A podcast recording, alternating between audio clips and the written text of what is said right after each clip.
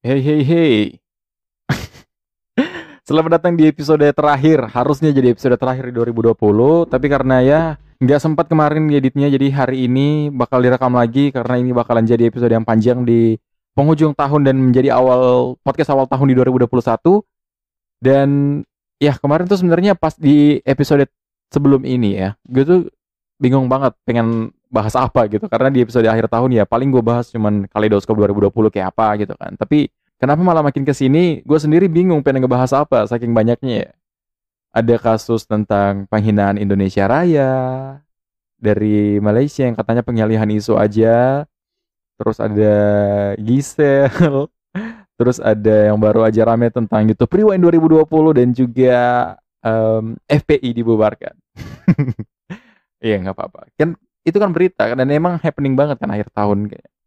Oke, tanpa berlama-lama lagi, mari kita mulai podcast yang sepertinya akan panjang ini. Nama gua Kuza and welcome back to Tempura Podcast.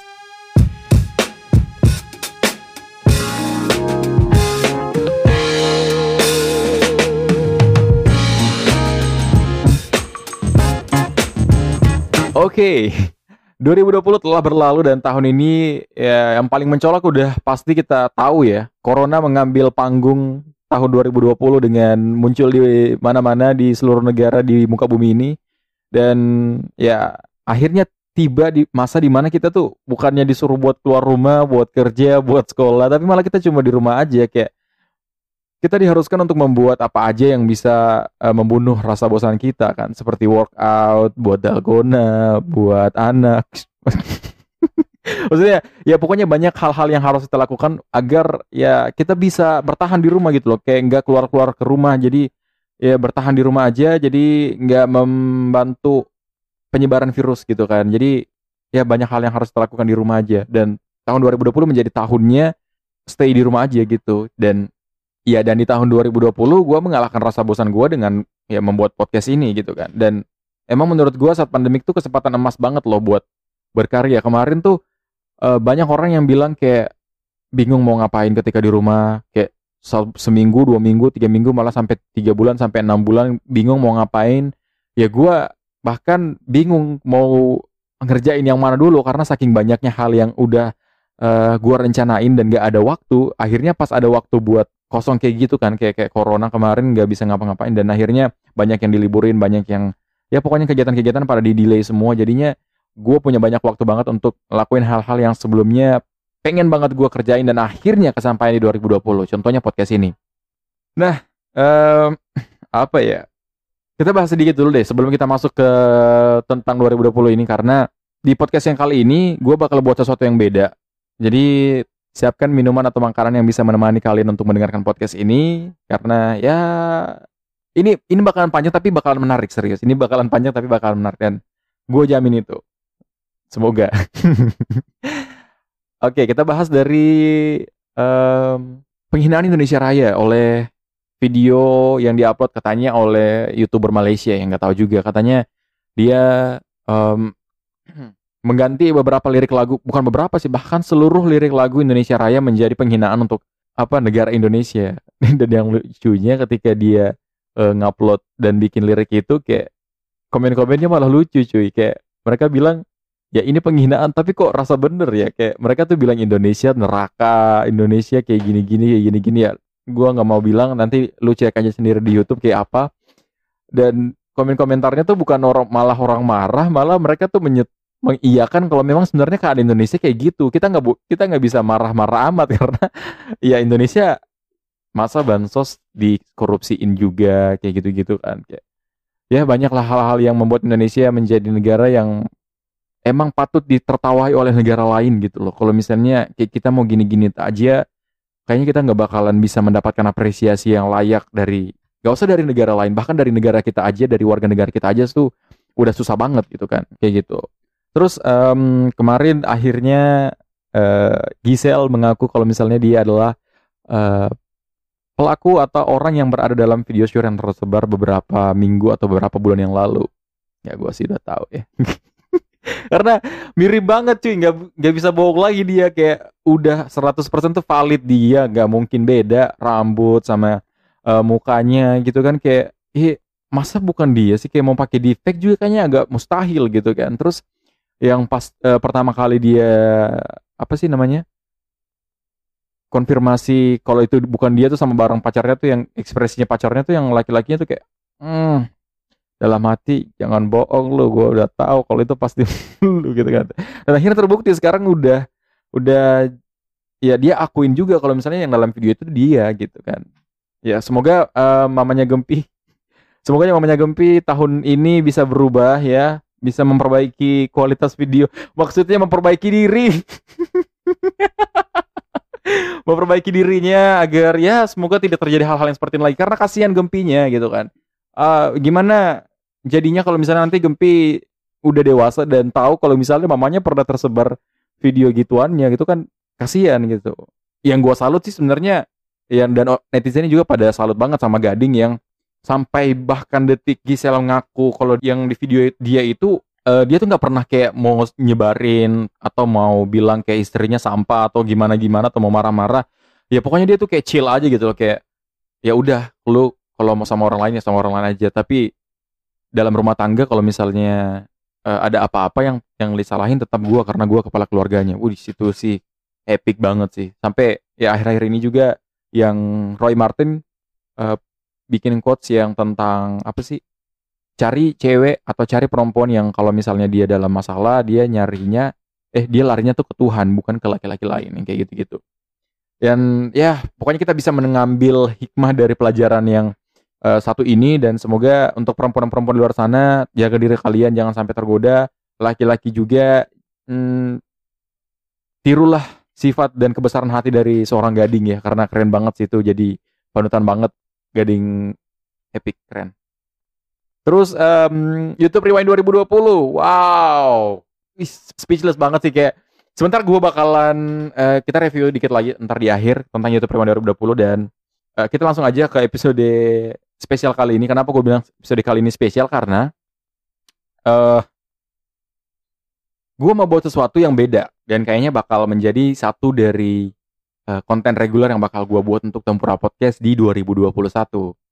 Gue udah memilih empat orang yang pengen gue tanya soal tahun 2020 mereka dan yang pasti punya makna yang beda gitu kan. Jadi makanya gue pilih empat orang yang punya latar belakang berbeda-beda biar kita tuh bisa ngelihat perspektif 2020 sama mereka tuh seperti apa gitu. Oke, jadi kita langsung kenalan dengan mereka. Halo, nama saya Agung Dana. Hai, nama gue Eka Sulistia Cahya. Saya Rikar. Nama aku Nanda Nur Ariska. Gimana menurut kalian atau apa pendapatmu soal tahun 2020? Wah, 2020. Hmm, tahun 2020 saya sebenarnya rada-rada sedap-sedap manis ya. Uh, kalau mau dideskripsikan dalam satu kata, menurutku saya itu complicated. 2020 saya roller coaster. Pokoknya full of ups and downs. Bikin gila, bikin stres, tapi bisa ya bisa ditenangkan lah di akhir-akhir. Asik. Naik roller coaster, kadang di atas, terus di bawah jatuh lagi, terus tiba-tiba dikasih naik lagi. Karena di tahun 2020 ini saya sebenarnya banyak sekali dihadapkan dengan hal-hal yang uh, nggak saya kira akan saya hadapi di tahun ini seperti itu. Mungkin saya tahun 2019 kemarin pikirnya 2020 ini ah, paling sama aja kayak tahun ini gitu. Oke, di tahun 2020 apa sih sebenarnya kejadian yang menurutmu paling mengejutkan di tahun ini? Ada nggak sih? Jadi hal yang paling mengejutkan buat saya di tahun 2020 itu Habib Rizik pulang ke Indonesia. Habib Rizik.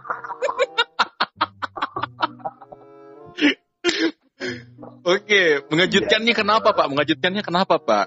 Saya sebenarnya juga nggak tahu sebenarnya kenapa. Kenapa?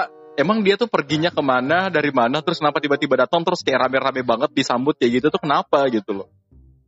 Dia tuh sebenarnya ini udah kayak siklusnya udah kayak Bang Toyib sih asli beberapa kali waktu lebaran tuh sebenarnya udah nggak kembali Indonesia kenapa tiba-tiba di musim corona lo balik anjir lo makin memperburuk gitu Aduh. Gue tuh kayak, oke. Okay. Ya udah, lo kalau pergi pergi aja nggak usah pulang yeah, iya. lagi, yeah. begitu. Tempura podcast belum terkenal terkenal amat loh pak. Ini bahaya kalau orang dengar dengar ini pak. Bisa dilaporin saya kan opini gimana sih? Oh iya bener. Oh iya bener bener bener bener. Yang pertama, nah yang pertama pas resign dengan tiba-tiba dari kantor lama. Itu jujur itu nggak expect sama sekali karena uh, mikirnya masih akan lama di sana pada saat itu. Tapi ternyata uh, emang kondisinya tidak memungkinkan untuk tetap bertahan di sana, jadi resign lah gitu. Sedihnya ya karena pisah sama teman-teman yang udah lumayan lama bareng gitu. Jadi pokoknya sedih banget deh rasanya itu yang pertama. Yang kedua adalah ketika gue gak lulus CPNS. Hmm. Paling kaget adalah awal Maret sampai awal mungkin kayak September tuh itu nggak ada kegiatan. Pas di sini pas pas dari September ke Desember, aduh kegiatannya salah satu instansi yang saya ikuti, wow padat sekali dan dan saya sudah bisa kayak bayar kos sendiri, Oh, bayar SPP sendiri, kos, kos. kayak kayak Mendulang pundi-pundi udah- ya. Nah, bahkan mamaku tuh udah suka bilang, "Kok- kenapa kau nggak pernah minta uang selama beberapa bulan ini? Kayak, kau dapat uang dari mana? Begitu ya, kayak. Tapi, tapi kan mau juta bilang, ada demo. Karena kalau ditahu pasti diminta kan. Temanku yang meninggal itu ada tiga. Ketiga. Awal tahun, pertengahan tahun, dan tadi hari ini. Innalillahi wa inna ilaihi. Tadi hari ini. Hari ini. Terus tadi malam sebelum tidur juga pas mau tidur, ada juga sahabatku dari SD menelpon bapaknya juga meninggal. Oh. Berarti- Emang apa ya? Ya mengejutkan banget ya kayaknya untuk Anda di 2020 ini kayak hampir beberapa teman-teman yang ya lumayan akrab kayaknya ya. kalau yang dua orang ini yang betul-betul bisa dibilang sahabat dekat kayak Oh gitu teman teman baku bawa banget gitu ya. Iya, sama-sama berjuang. Kemarin sama-sama yang cewek kan ada yang cewek pas bulan Juli itu sama-sama tes polwan. Terus yang waktu bulan Januari itu temanku sama-sama em, berjuang mau ikut paskib nasional, tapi akhirnya kan dia yang wakili Sulawesi Tenggara untuk paskib nasional kemarin. Hmm. Oke. Teman berjuang. eh kita udahan dulu soal yang sedih-sedihnya kayak karena Wah, takutnya nanti bakalan nangis kamunya ya. Jadi nah kan 2020 ini panjang nih dari Januari sampai Desember. Ya. Kira-kira kan gak semua isinya sedih-sedih doang nih. Apa Ya. kejadian yang menurut kamu paling bahagia, yang paling buat Nanda tuh kayak ya akhirnya kecapaian juga atau misalnya ya gue bahagia banget punya momen seperti ini di 2020. Ada nggak? em, apa ini? Aduh, kurang briefing. Kok kaget, kok panik nih. Yang paling membahagiakan itu baru-baru ini sih, maksudnya gue akhirnya dapat kerja lagi setelah hiatus dari dunia bekerja karena kemarin sempat ditunda karena nunggu CPNS itu kan. Terus udah dapat kerja lagi bahagianya karena eh, maksudnya ini bukan tentang gue sendiri tapi tentang orang-orang di sekeliling gue, tentang orang tua gue, kemudian teman-teman gue juga yang tiba-tiba kayak excited juga karena gue udah kerja lagi. Istilahnya gue udah bangun dari tidur gitu loh. Di tahun 2020 oke baik. Jadi momen yang paling membahagiakan itu adalah ketika saya udah bisa transfer uang jajan ke ibu gitu. Itu itu momen yang paling bahagia. Nah Oke. ini udah uangnya udah bisa transfer ya? Lolos casting ini kemarin Mosonggi Hmm. sekali.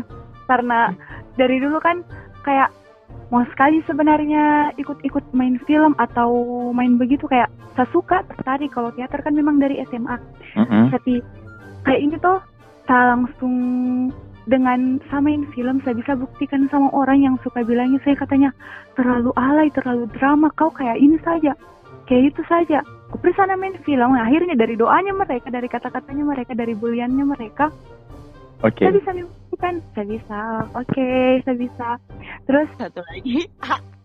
ya, terus tahun 2020 ada lagi sih satu karena di, di ternyata istilahnya gini, I thought I would be single until Hmm. I met one. Wow, shit. What just happened? Whoa, whoa, whoa, wait, wait, wait, wait, wait, wait, wait, wait.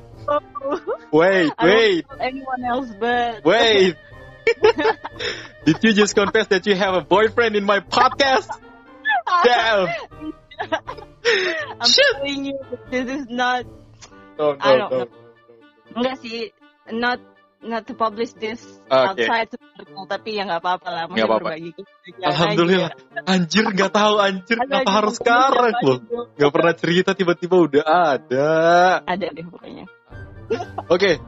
Terakhir, Oke. ada nggak ada nggak pencapaian yang akhirnya ya selain punya pacar ya, ada nggak pencapaian yang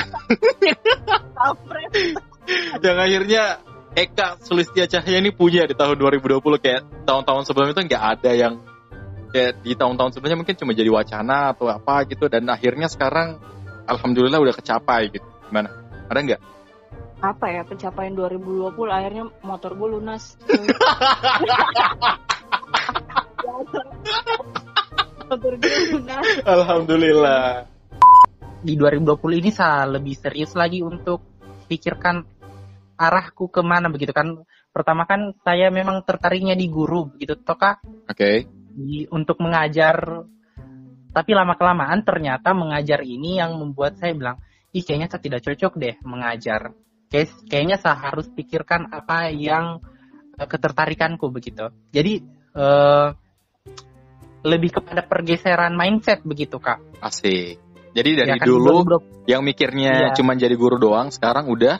Iya, sekarang udah eh, pikirnya lebih luas lagi kak selain jadi guru. Nah, kayaknya eh, karena saya tahu, nah, kayak kapasitas saya di guru itu misalnya kayak masih kurang begitu.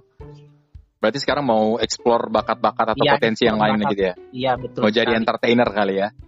Aduh, mau jadi seleb TikTok mungkin kak. Amin amin amin amin. Kebetulan TikTok lagi hype sekali di 2020. Oh ada juga akhirnya bisa buka kedai Oh, minuman oh. sama makanan. Alhamdulillah. Oh itu punya punya kamu. Iya. punya Tapi aku. tapi bisnisnya itu di di Kolaka ya. Iya di Kolaka. Oke.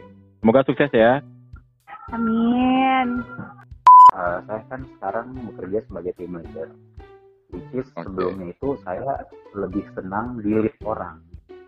Saya sebenarnya lebih pada orang yang takut sih, takut untuk mengeluarkan ide. Karena saya takut kalau misalkan saya keluarkan ide, apakah nanti ide saya ini diterima atau enggak. Saya orang yang seperti itu. Saya punya ide, saya punya lalari segala macam. Cuman saya takut aja gitu ngeluarinnya. Takut penerimaan orang itu nggak sesuai dengan ekspektasi saya itu aja sih. Dan gimana caranya kamu berani untuk mengambil pekerjaan yang sekarang kan udah let's say keputusan semua ada di tangan kamu lah ya.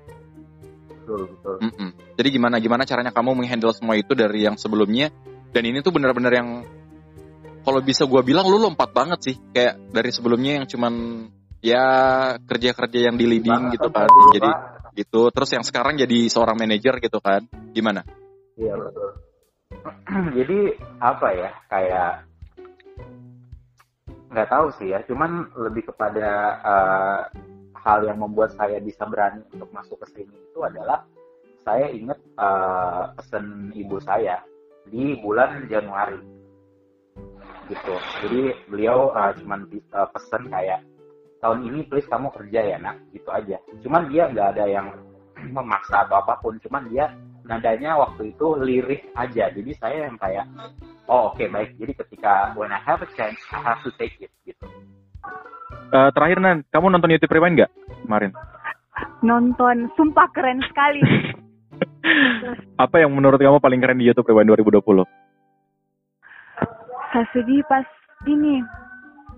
Um, udah pamit. Aduh, kenapa saya lupa namanya? Ando Vida Lopez sama Jovia Lopez. Ya. Oke. Sih. Pas mereka sudah jalan ke pintu terus, astaga, kayaknya YouTube Rewind tahun depan sudah tidak ada mereka.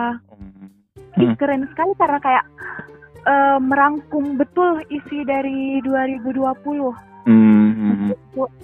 Eh semua semua yang memang terjadi di tahun 2020 mereka benar-benar ngerangkum semua dalam satu video dan caranya nggak apa ya kayak elegan banget dan mewah banget gitu loh. Betul betul betul betul betul Hmm. sekali. asli ini epic sih kayak savage banget gitu Lanjut lanjut. tunggu Pak, saya ketawa dulu Epic sih ya. Sumpah keren sekali weh. asli weh konda nonton ini barang hmm, konda bisa masuk 2021 cuy Tiket masuk 2021 adalah menonton YouTube Rewind 2020 ya. Ini Oke. adalah sebuah karya terbesar untuk kaum kaum miskin seperti kita di Kendari. Kenapa bisa mis- kenapa bisa itu menjadi suatu ka- mahakarya gitu? Menurut kamu kenapa? Ya karena kalau kalau dari saya ya, saya lihatnya ini adalah sebuah eh, trigger untuk anak-anak muda eh, di Kendari khususnya untuk menyadari bahwa gila, anjir, ini ternyata anak Indonesia bisa bikin karya yang seperti ini gitu loh. Ih, kita tanya bisa ya kak, part yang mana yang paling saya suka? Oke, part yang mana yang paling lo suka di YouTube Rewind 2020? Part yang paling saya suka itu pertama yang eh, buka pintu terus ada dari ada dari bulan Januari sampai Desember. Kejadian-kejadian ada ada ada Lucinta Luna, ada yang Ah, lain. yang yang di re- recap semua itu ya? Iya. Hmm.